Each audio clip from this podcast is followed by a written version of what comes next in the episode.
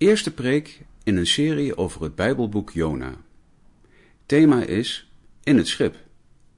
Opgenomen op 12 januari 2020 in de Noorderkerk te Amsterdam. Voorganger is dominee Paul Visser.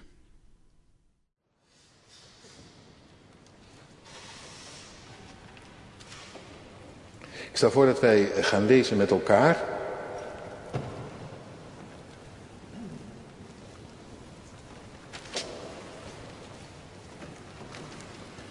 En dat doen we uit, uh, uit Jona. Uit Jona 1.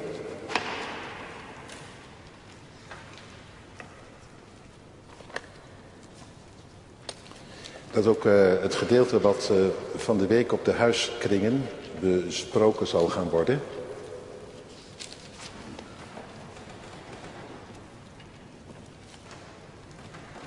En we horen daar het volgende.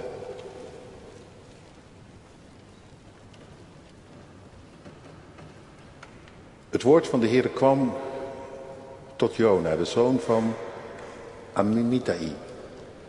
Sta op, ga naar de grote stad Nineveh en predik tegen haar, want hun kwaad is opgestegen voor mijn aangezicht. Maar Jona stond op om naar Tarsis te vluchten, weg van het aangezicht van de Heer. Hij daalde af naar Javo en vond een schip dat naar Tarsis ging. Hij betaalde de prijs voor de overtocht en ging aan boord om met hen mee te gaan naar Tarsis, weg van het aangezicht van de Heer. Maar de Heer wierp een hevige wind op de zee er ontstond een zware storm op de zee, zodat het schip dreigde te breken. Toen werden de zeelieden bevreesd en ze riepen,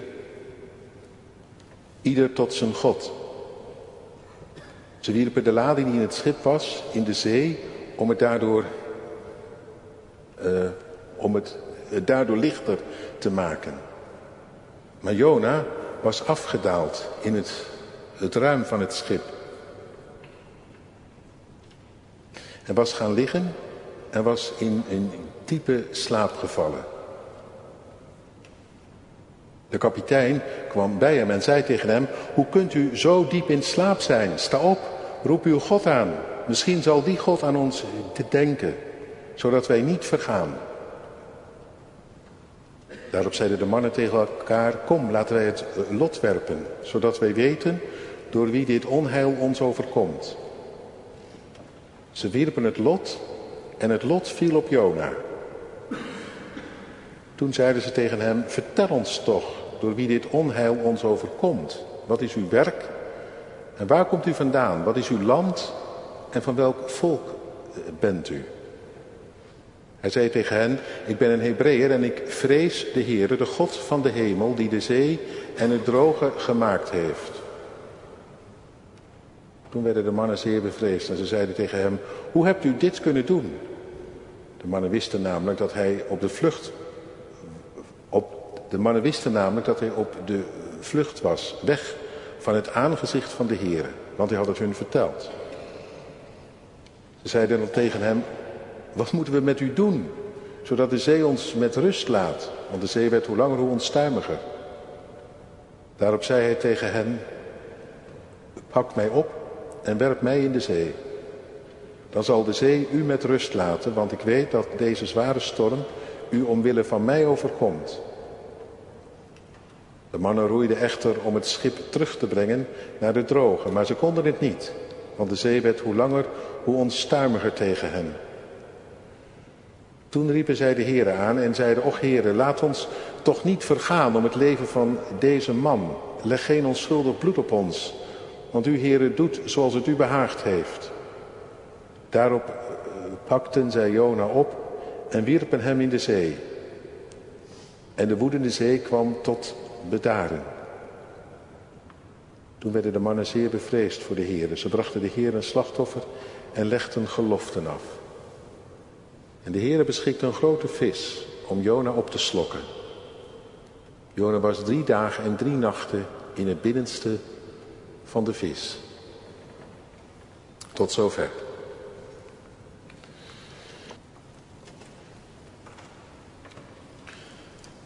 Gemeente van Christus, broeders en zusters. Een komedie in vier bedrijven. Zo heet het boekje wat wordt gebruikt voor de kringen. En nu denk je bij een komedie natuurlijk al gauw aan een opvoering waarin humor de boventoon voert. Nou ja, dat is in dat boekje Jona ook wel het geval. Humor voert daar de boventoon. Echt. Geregeld kun je een glimlach niet onderdrukken, toch? Als je die doodserieuze profeet daar bezig ziet, geroepen door God, duikt hij weg in een schip. Ogen dicht, zoals een kind kan doen. Ogen dicht, dan is er even niks meer. Een potsierlijke vertoning, toch? Voor een profeet van Israël. Om zo God, van wie hij later beleidt dat hij schepper is van hemel en aarde, niet gebonden is aan één gebied. Om zo hem te ontlopen, te ontvluchten, althans te denken dat dat dan kan.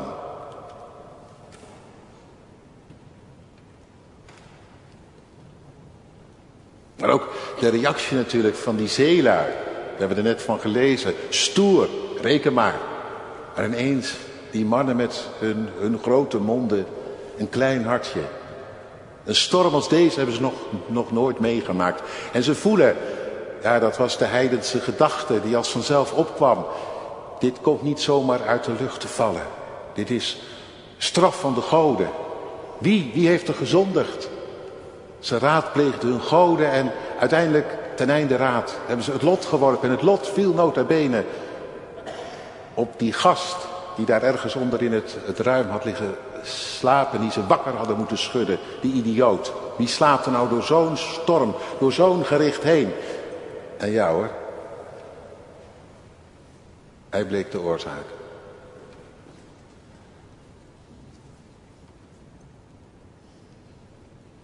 Stoer als ze waren.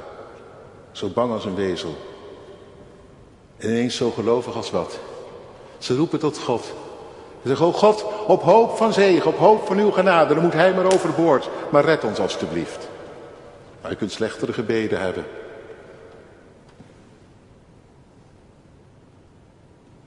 En, en dan die mensen, ja, we hebben er nog niet van gelezen. Maar die mensen waar het allemaal over ging in Nineveh, die inwoners. Zo verdorven als ze maar konden zijn. Hun ongerechtigheid was opgehoopt tot aan de hemel en God had er schoon genoeg van. Maar kijk ze daar lopen. Op die preek van die zure Jona nota bene. Over bekering en over oordeel. In zak en as. Het is toch ongekend dat zoiets kan bestaan. Een komedie tot en met.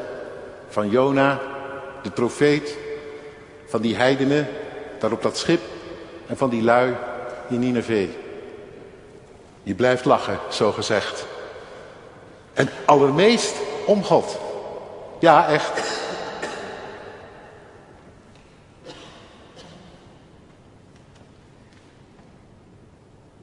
Die zowel het uithoudt met die dwarse Jona, dat kind van hem, dat beter zou moeten weten, maar toch door alles heen zo dwars is als wat. En met die mensen daar in Nineveh, die geen idee hadden.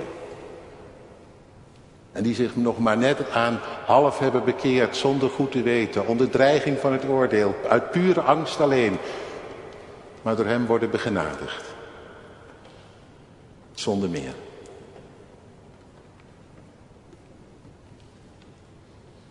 Dat is echt om vrolijk van te worden. Deze God, onze God. Een komedie, maar dan van goddelijke hemelse allure, echt. En waarin wij aan het licht komen op een potsierlijke manier. En er toch tegelijk genadig van afkomen met z'n allen. Dat is het. Je zou ook kunnen zeggen een geinig boek. En dan gein in de letterlijke zin van het woord. Gein komt van gana.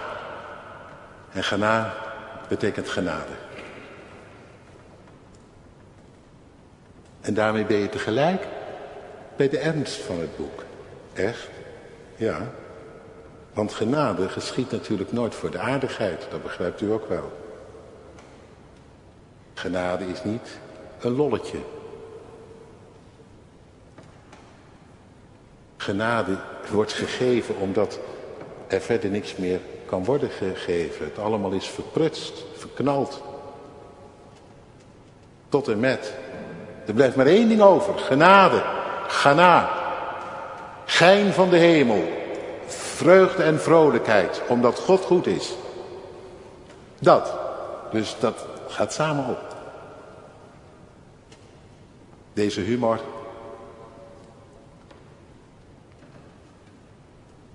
En dat ernstige. De ernst voert de ondertoon. Keer op keer.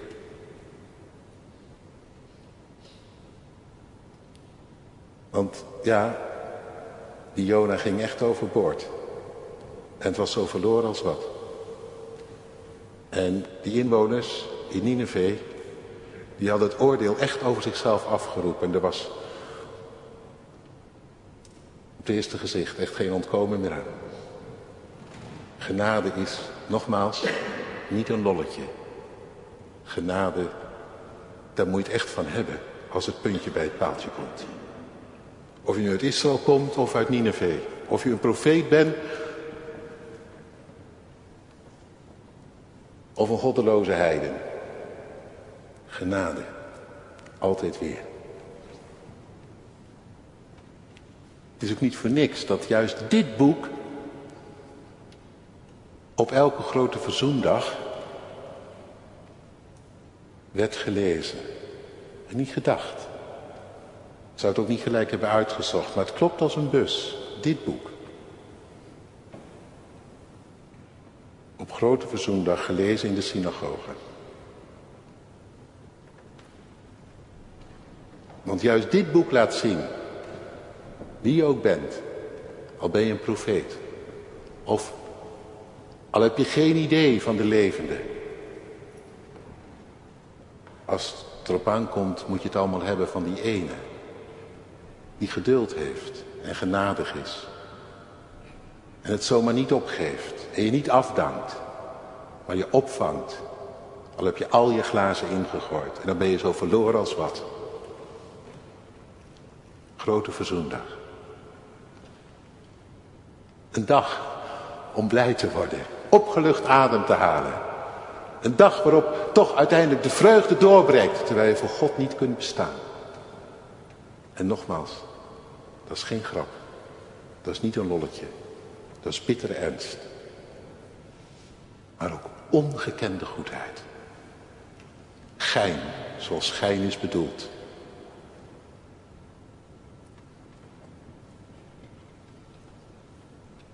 En daarmee gaat het natuurlijk ook ineens over u en over jou en over mij. Dat hebt u al lang begrepen, denk ik, met al die dingen die ik zei over Jona en Nineveh. Het komt zomaar heel dichtbij, dit boek. Ooit verscheen er een ander boekje, het staat al jaren bij mij in de boekenkast. Ook een mooie eh, titel trouwens. Jona. Gij en ik. Een boekje van dominee D.A. van de Bos. Heeft nog gevangen gezeten in de, Tweede, in de Tweede Wereldoorlog vanwege zijn verzet. Een man die deugde zo gezegd, maar die ook besefte. Ik kan zomaar op Jona lijken. Ik heb meer van hem weg dan mij lief is. Jona, gij en ik.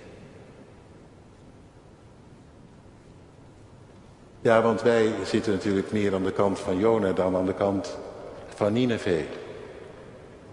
Toch? Als gelovigen. natuurlijk gelovigen uit de heidenen, maar intussen toch wel ingelijfd. In Israël.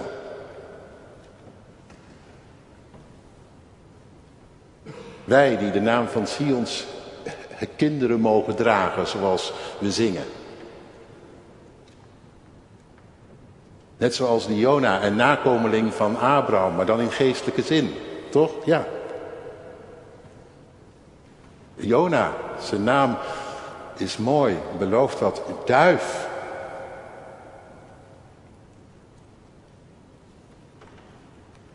Het kan zelfs een naam zijn die staat voor heel Israël. Israël die af en toe in het Oude Testament met een duif wordt vergeleken.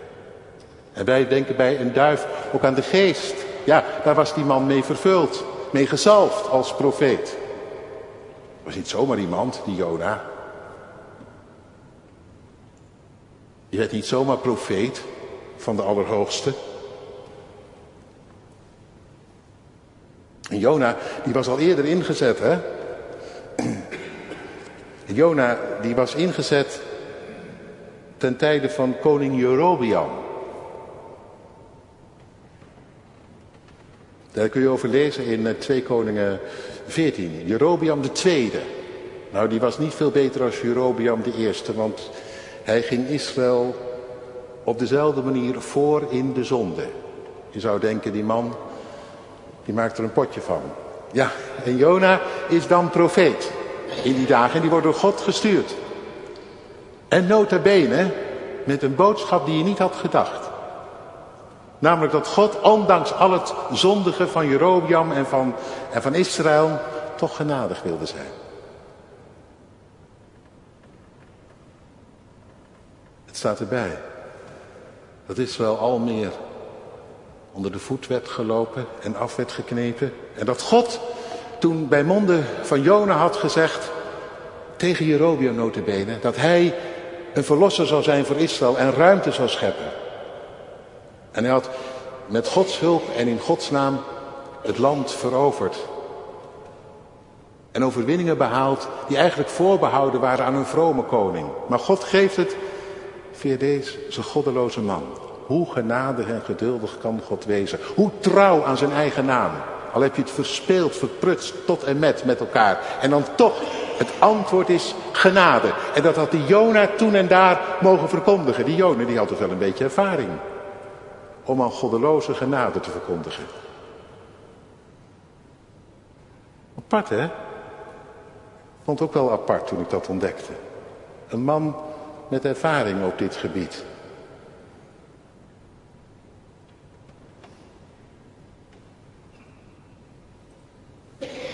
Nou ja, en die Jona die maakte toen absoluut geen bezwaar. Dat is ook apart. Hij zei niet, ja God, maar dat gaat toch veel te makkelijk, want u weet toch wel wie die, wie die Jerobiam is. En dat Israël, dat lijkt toch ook eigenlijk eh, vandaag de dag niet op wat het zou moeten wezen. Hoe kunt u nu zomaar... Nee, geen enkel bezwaar bij Jona. Niks. Hij had die boodschap ontvangen om genade te verkondigen. Terwijl er eigenlijk oordeel moest worden uitgesproken. En Jona die was zonder, zonder een ja maar gegaan. Het had hem zelfs goed gedaan, zo lijkt het wel. Om, om juist toen en daar deze boodschap te verkondigen. Toch genade. Al zou het gericht moeten wezen. Zou het kunnen wezen dat ja, dat zou toch ook heel logisch zijn, heel menselijk. Want Jona bleef ook als een mens natuurlijk, al was hij een profeet. Gewoon een mens, als jij en ik. Dat hij met die boodschap goed aan kon komen daar aan het hof. In het vlei, in de gunst. Dankjewel Jona. Zeg je dat echt namens God tegen ons? Wat mooi, wat goed, wat genadig. Ik krijg er tranen van in mijn ogen. Daar kunnen we mee voort met zo'n woord. Dank je wel, we hebben het niet verdiend. Goed dat God zo goed is voor ons. Dank je wel, Jona. Jij mag nog eens komen preken. Zoiets. Nou ja, welke dominee wil dat nou niet? Zo'n mooie preek houden. Voor mensen die het helemaal niet verdiend hebben. Dat is het mooiste wat je hebben kunt?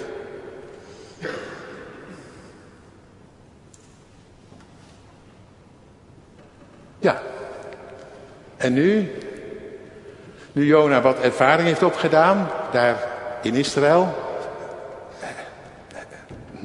Thuis bij eigen volk. Nu, nu heeft God voor hem een grotere opdracht. Wie getrouw is in het kleine, aan die zal ook het grote worden toevertrouwd. Zo, zo zou Jezus het laten zeggen. Nou, dat zie je hier gebeuren bij Jona. Jona, ik heb, ik heb nog wat anders voor jou. Je hebt je toen bewezen als iemand die genade kon verkondigen aan mensen die het verprutst hadden. Weet je, ik heb jou uitverkoren om naar Nineveh te gaan. Nou, daar hebben ze het bezondigd tot en met. Hun kwaad is opgestegen tot voor mijn aangezicht. Ik kan het niet meer lucht of zien. Het is te ver gegaan. Dit kan niet meer bestaan, dit kwaad wat daar gebeurt. Ik vind dat, ik ga daar niet te lang op in, want ik heb dat wel vaker gezegd, maar ik vind dat toch een hele mooie trek hè, van God. Mensen schrikken er altijd van. Oeh, oordeel. Maar ik ben er wel blij mee dat God het kwaad niet kan luchten of zien. Bent u dat ook? Bent u daar ook blij mee? En dat hij op een dag zegt van, en nu heb ik geduld genoeg gehad. De rek is eruit. Dit kwaad, wat ze elkaar daar aandoen. En dat was natuurlijk niet, niet niks, hè. Hoe gemeen en laf en laag het er daaraan toe kon gaan.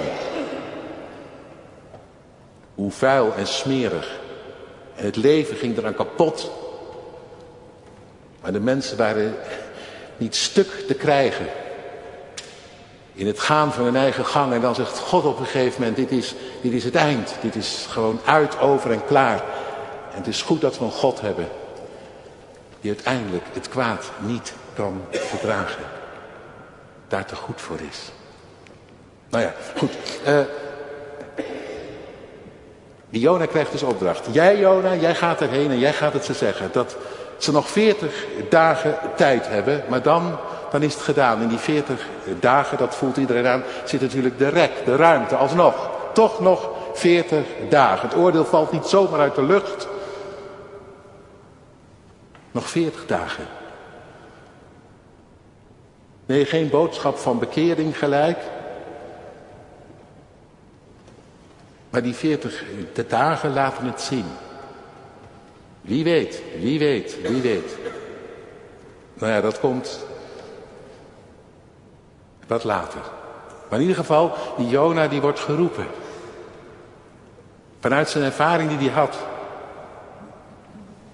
Om dit te gaan doen. En gek genoeg. Jona bedankt er nu voor. Een geweldige eer. Ik denk dat geen profeet een opdracht heeft gehad als, als die Jona. Moest allemaal zeg maar, spreken tot het volk. Daar in de provincie, weet je wel, zo gezegd. Maar, of in Jeruzalem.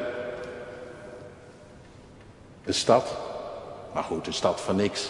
Als je het vergelijkt met die andere steden, met Babel en Nineveh. En Jona mag nota bene naar Nineveh. Goeiedag zeg. Wat een promotie. En dat in Gods naam. Roeping van de Allerhoogste. Nou, als je God daarin dan mee hebt. En hij geeft nog 40 dagen ruimte. Dan, dan is dat toch veelbelovend. Dan mag je toch verwachten dat, dat dat ook zijn zin en zegen zal hebben. Dat God het niet helemaal zomaar doet. En dat jij daar dan voor gebruikt mag worden. Om mensen, om mensen alsnog in Gods naam. Nee, niet alleen gericht aan te zeggen. Maar ook eigenlijk genade aan te reiken. En zo'n stad waar geen eer aan te behalen valt. Om daar dan toch als een duif zijn neer te dalen.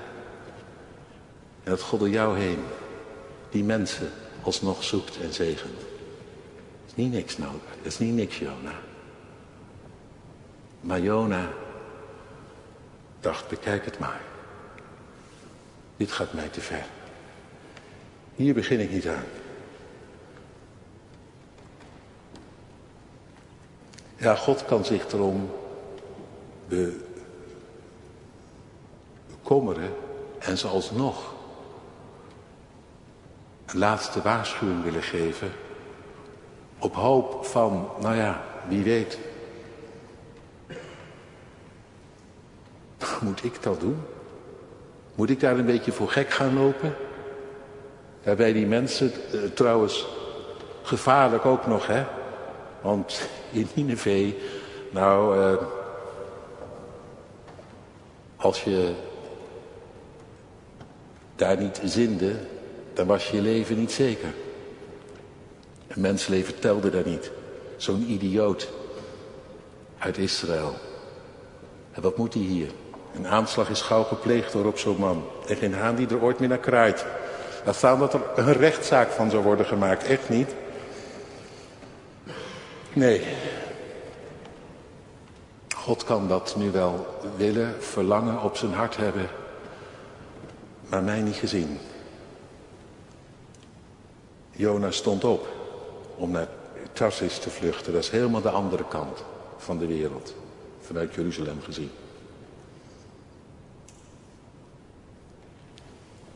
Weg staat er van het aangezicht van de Heer. Er staat eigenlijk weg uit het blikveld van de Heer.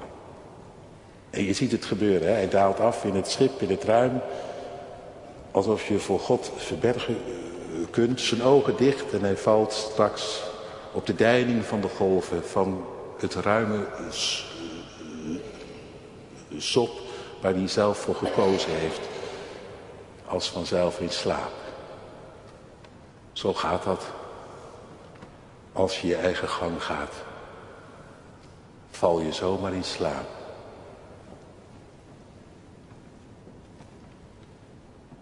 Jona, gij en ik. Een komedie, het is om te lachen, dit potsierlijke gedrag van deze profeet. Maar het is ook om te huilen. Te meer als je bedenkt dat jij en ik zomaar op hem kunnen lijken, meer dan je lief is.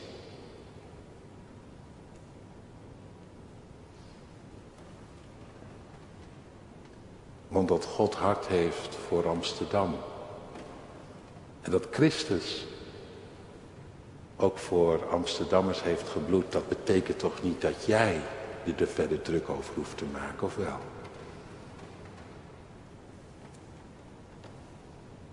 Zeg het maar.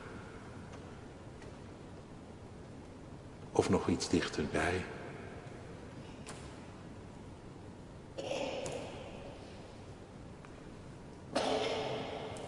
Ja, je wil heus wel iets betekenen, maar voor die of die tot zegen zien te worden.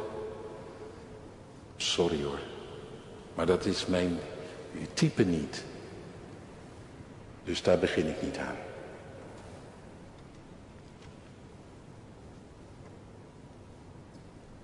Kunt er zomaar stilzwijgend voor weglopen, hè? Voor dat wat God op zijn hart heeft.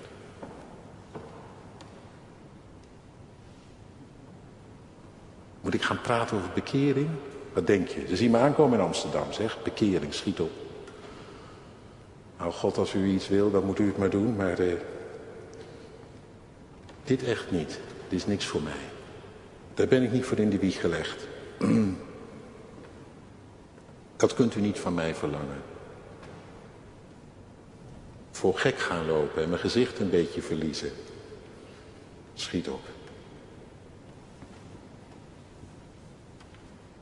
Je bent weg voordat je het erg in hebt. Je staat zomaar op en loopt de andere kant op. Terwijl God zei, ja wat zei hij eigenlijk tegen jou en tegen mij? Jij bent het licht voor deze wereld. Jij bent het zout in deze aarde. Of vergissen we ons? Vergis ik me? Ging dit jou niet aan?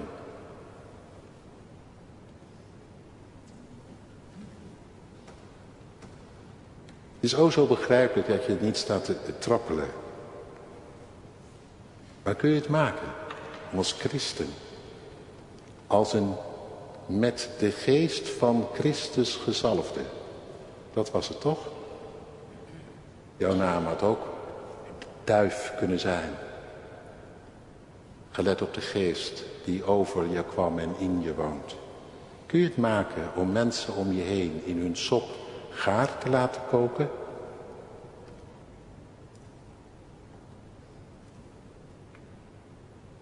Tot soms de meest nabije naaste toe.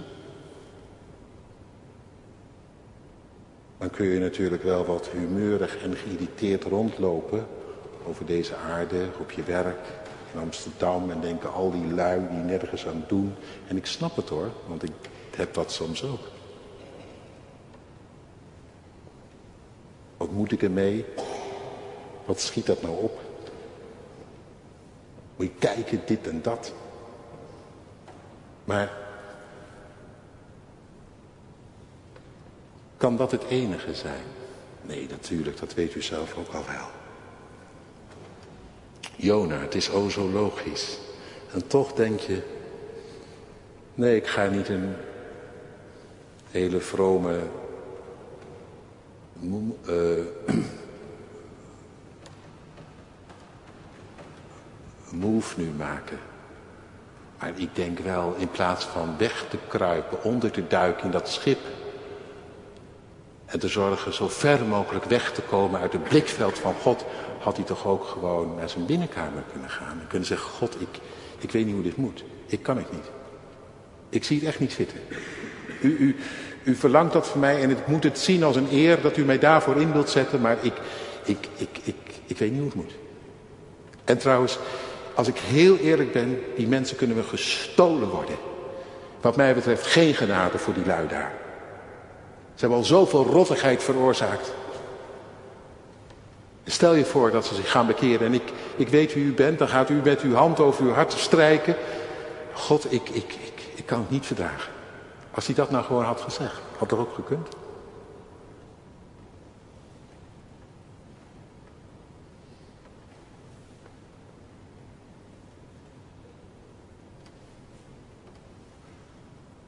Je weet had het uh, boek dan een hoofdstuk uh, korter geweest. En waren die mensen in Nineveh eerder tot inkeer gekomen. Ja, God moet maar komen hè, met iets wat jou niet zint, om het nog even ietsje breder te trekken. Ik ga het niet meer te lang nu maken, want anders wordt het te laat. Heb je dat wel eens, dat God met iets komt wat jou niet zint? Tuurlijk, God mag dit zeggen, dat zeggen, zus zeggen, zo zeggen, maar dan zegt hij ineens iets. Ja, sorry, maar daar denk ik anders over. Oh, en dan? Dan ben je weg. Wat doe je dan? Jona, gij en ik. Ik heb mijn handen vol aan mezelf hoor. Maar één ding weet ik wel, hij heeft mij lang niet altijd zo mee als dat het lijkt. hoe zit dat bij jou, bij u?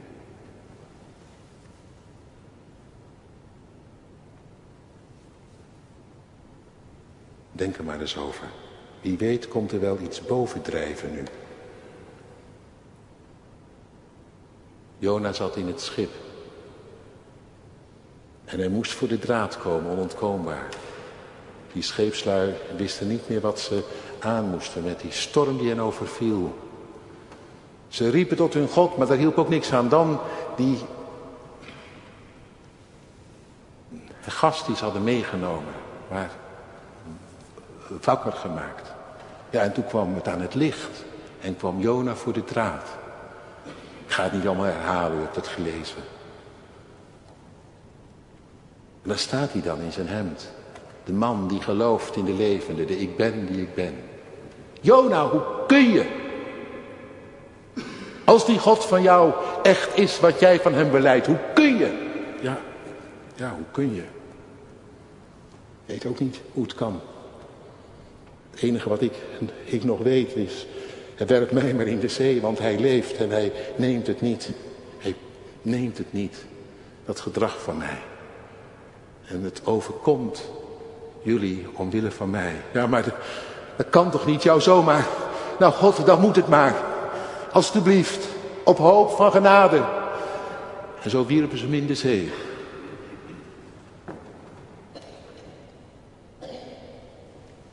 Maar de Heere, de ik ben die ik ben, beschikt een grote vis.